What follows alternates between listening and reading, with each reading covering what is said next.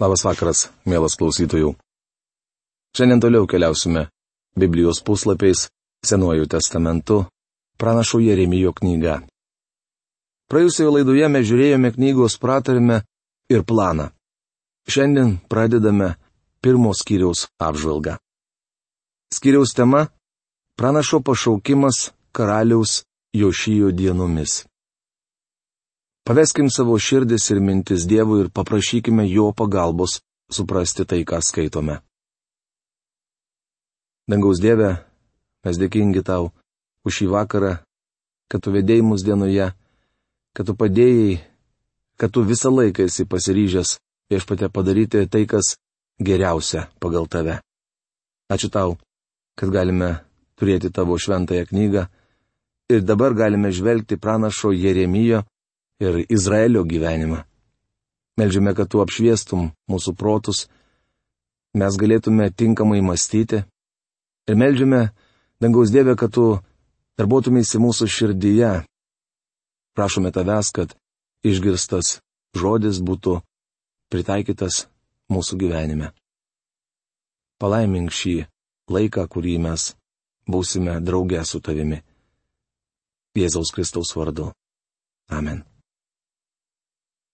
Pranašų knygas geriau suprasime, susėdami jas su istorinėmis Samuelio, karalių ir metraščių knygomis, kuriuose aprašomas tas pats laikotarpis.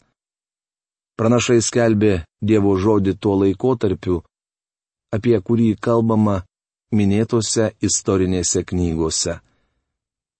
Kaip išimti reikia paminėti Agėją, Zacharyją ir Malachiją, nes jie pranašavo po tremties. Šis laikmetis aprašomas istorinėse Ezros ir Nehemijo knygose. Hilkijo, sunaus Jeremijo iš kunigų šeimos Anatote, Benjamino žemėje žodžiai. Jeremijo knygos pirmos skyriaus pirmą eilutę. Čia paminėtas Jeremijo tėvas Hilkijas Jis buvo vyriausiasis kunigas, karaliaus Jošijo dienomis atradęs įstatymo knygą, tai yra viešpaties įstatymą, kurį Dievas buvo davęs Mozei. Šis atradimas karaliaus Jošijo dienomis sukėlė prabudimą. Žmogus negali inicijuoti prabudimo. Į sukelia Dievo žodis.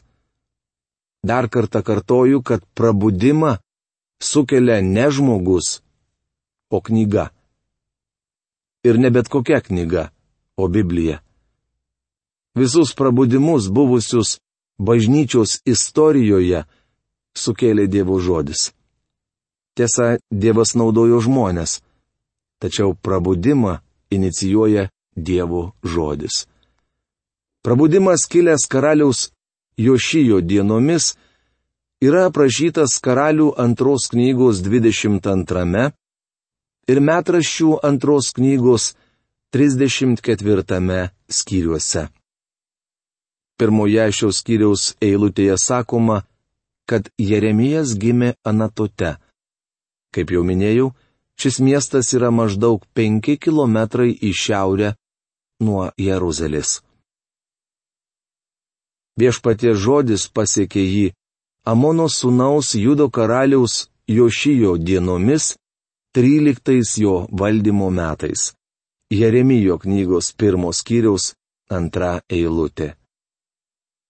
Jošijas atsisėdo į Judo karalystės sostą būdamas aštuonerių metų ir karaliavo 31 metus. Jeremijas pradėjo tarnauti, kai Jošijui buvo 22. Matyt, tuo met ir pačiam pranašui buvo apie 20 metų. Taigi, abu jie buvo jaunuoliai ir galbūt bičiuliai. Jeremijas pranašavo 18 karaliaus Jošijo valdymo metų ir apraudojo jo mirtį. Apie tai plačiau rašoma metraščių antros knygos 35 skyriaus 25 eilutėje.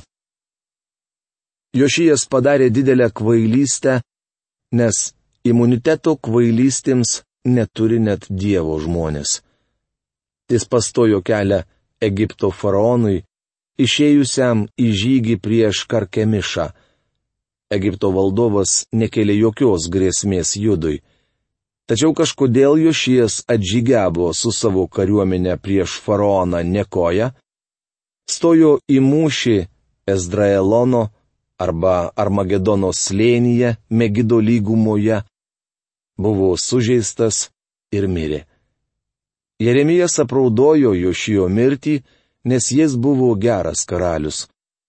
Šio valdovo dienomis buvo kilęs paskutinis prabudimas Judo karalystėje. Mirus Jošėjui, tauta pasinėrė į tamsą ir tokioje būsenoje buvo iki pat Babilonijos nelaisvės. Taip pat pasiekė Judo karaliaus Jošijo sūnaus Jehojakimo dienomis iki 11 Judo karaliaus Jošijo sūnaus Zedekijo metų pabaigos iki Jeruzalės tremties penkto mėnesio. Jeremijo knygos pirmos skyriaus trečia eilutė. Antroje ir trečioje eilutėse nurodytas tikslus Jeremijo tarnavimo laikotarpis. Čia sakoma, kad jis pranašavo nuo 13 Jošijo valdymo metų iki Jeruzalės tremties penkto mėnesio. Jeremijo knygos 39 skyriaus 11-12 eilutėse rašoma, kad paėmęs į nelaisvę Judo karalystės gyventojus, Nebukadnecaras leido Jeremijui pasilikti savo krašte. O dėl Jeremijo, Babilono karalius Nebukadnecaras buvo davęs karaliaus asmens sargybos vadui Nebuzaradanui tokį įsakymą - surask ir gerai jį prižiūrėk.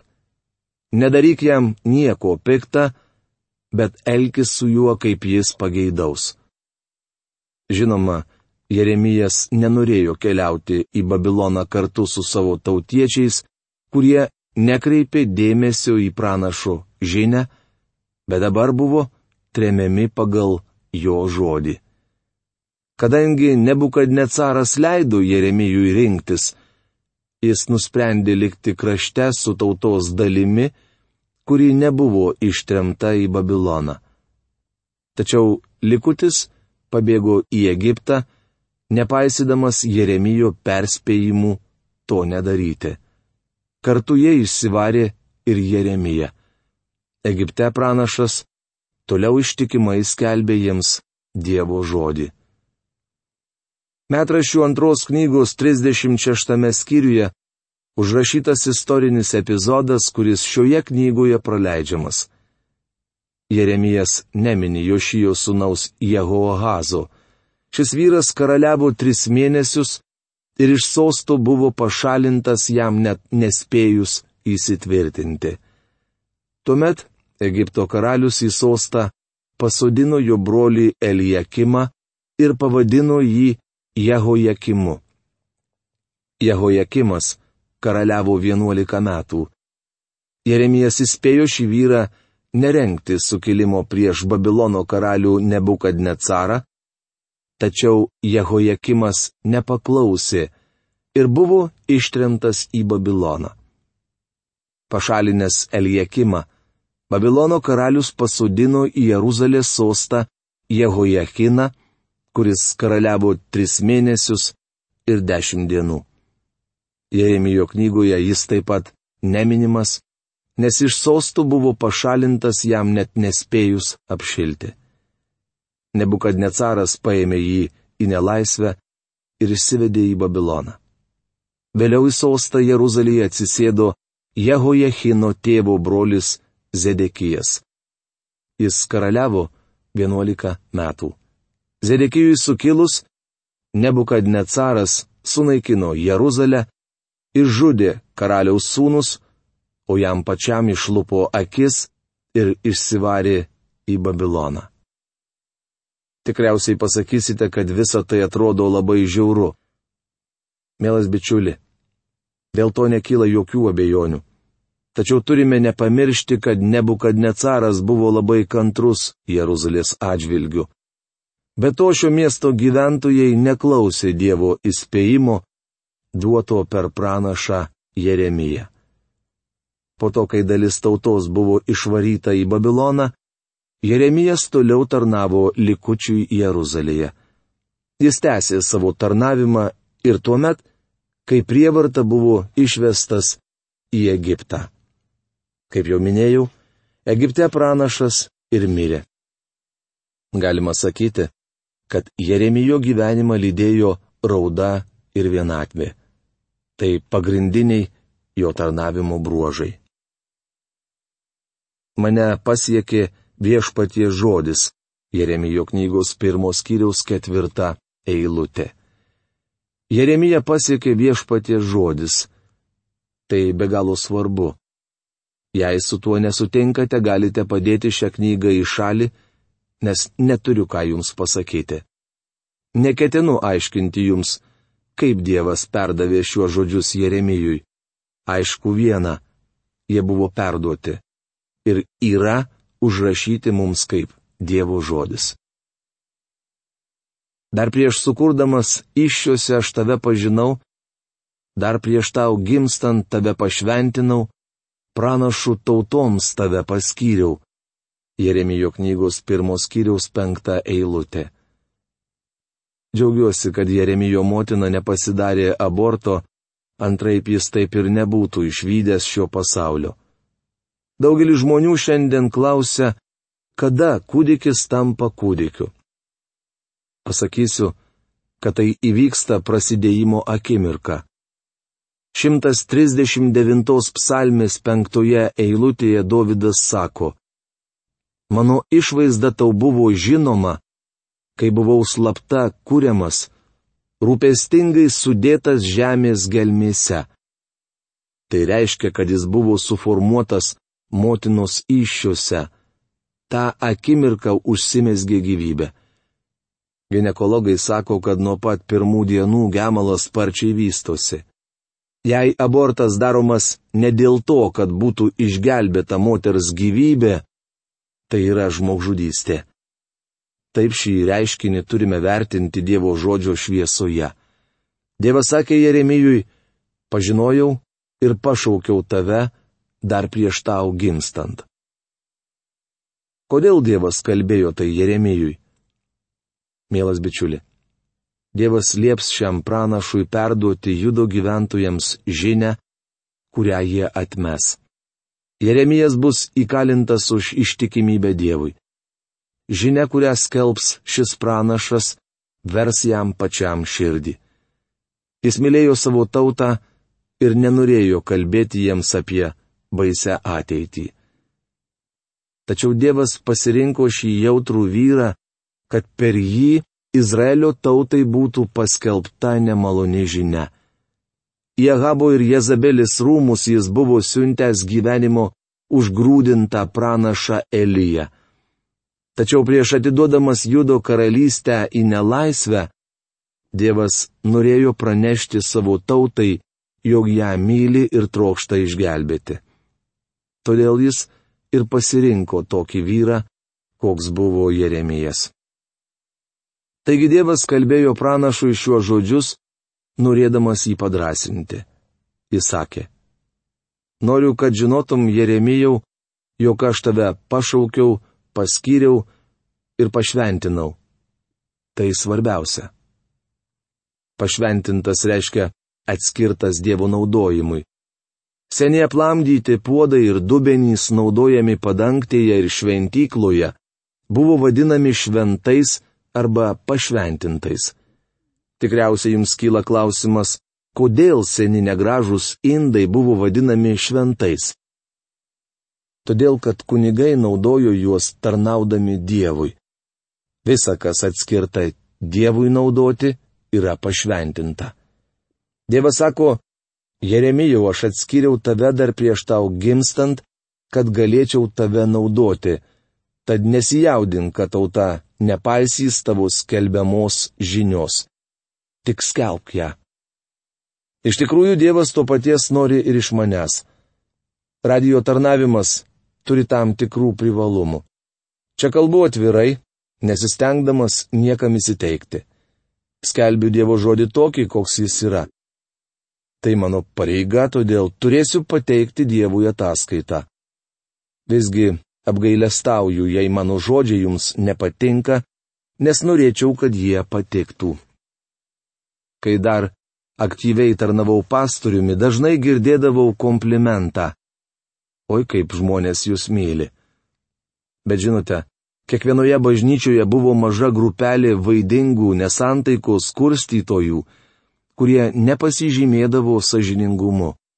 Tačiau tas, kuris skelbė Dievo žodį, yra atsakingas prieš Dievą ir atskirtas šiam tarnavimui. Toliau Dievas sako, pranašų tautoms tave paskyriau. Tai suteikė Jeremijui galios ir drąsino jį sunkiomis dienomis. O štai Jeremijo atsakas.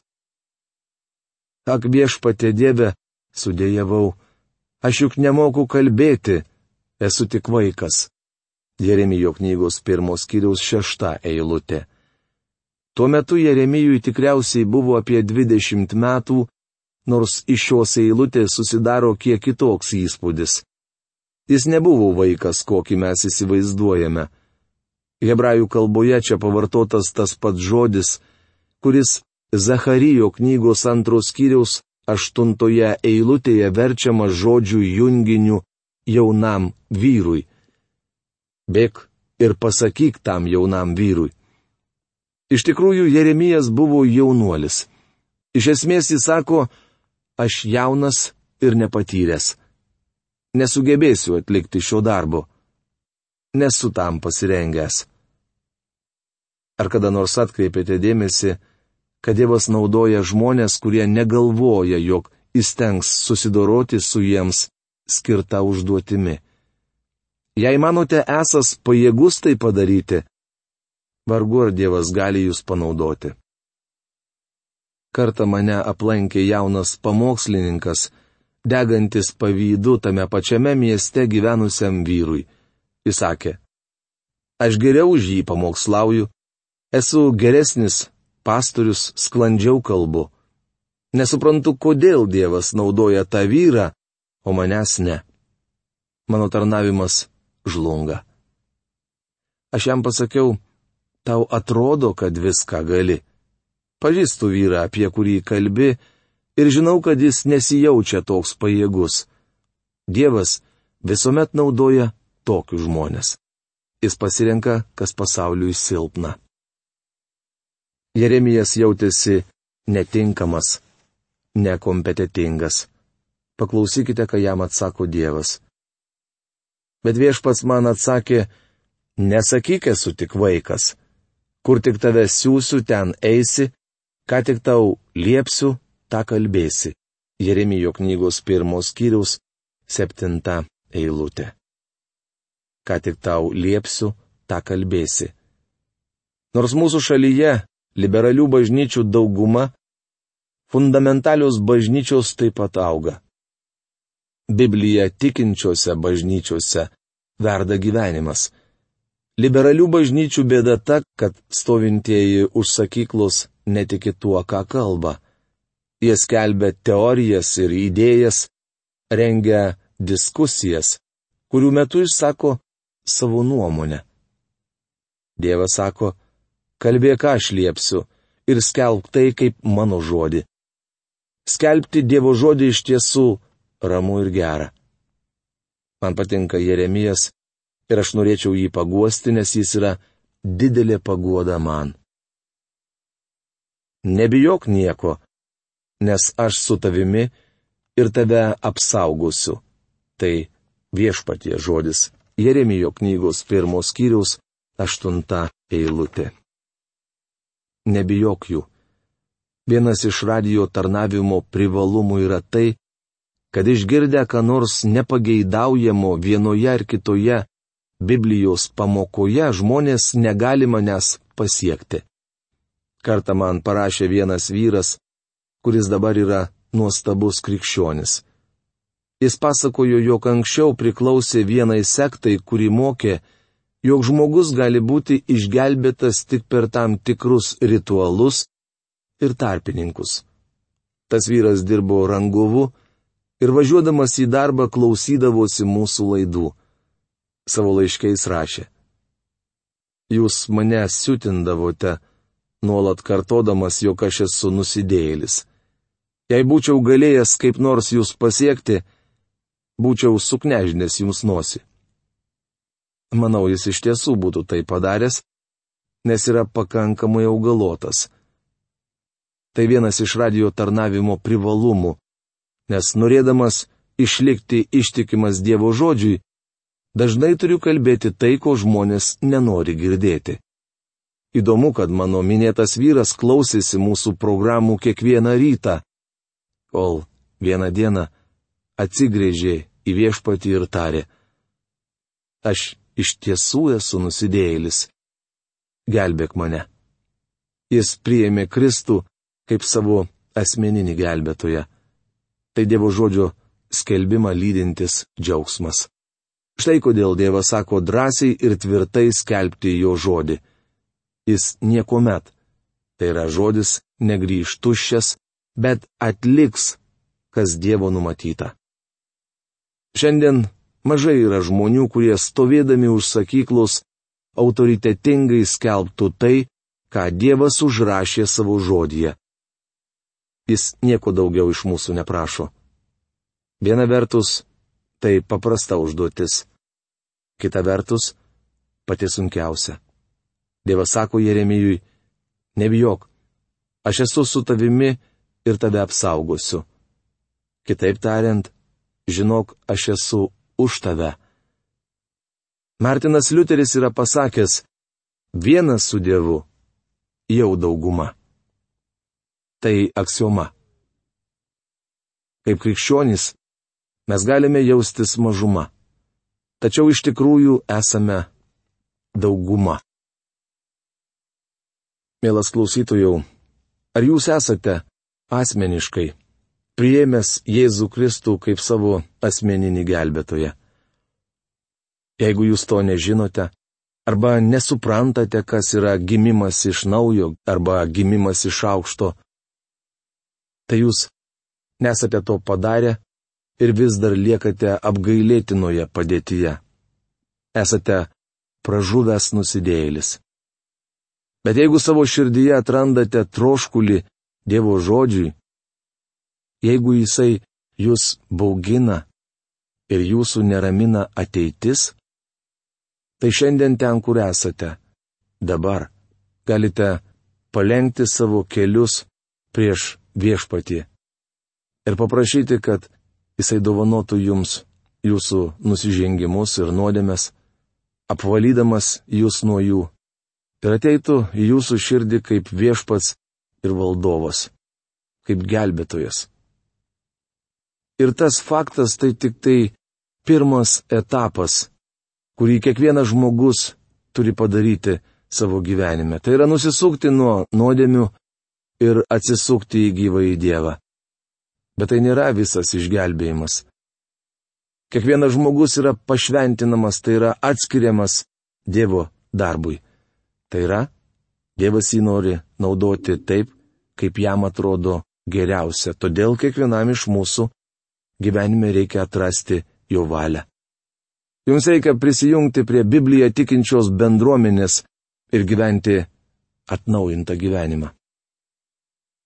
Taigi, kokioje padėtyje jūs esate šiandien? Ar jūs žinote, kad jūs esate išgelbėtas? Daugelis žmonių kalba apie tai, ką jie jaučia. Bet tikėjimas yra tai, ką mes žinome ir tai, kuo mes esame įsitikinę, nors ir neregime. Mano malda, kad jūs pažintumėte Dievą ir ateitumėte pas jį jo keliu. Iki greito sustikimo. Sudė.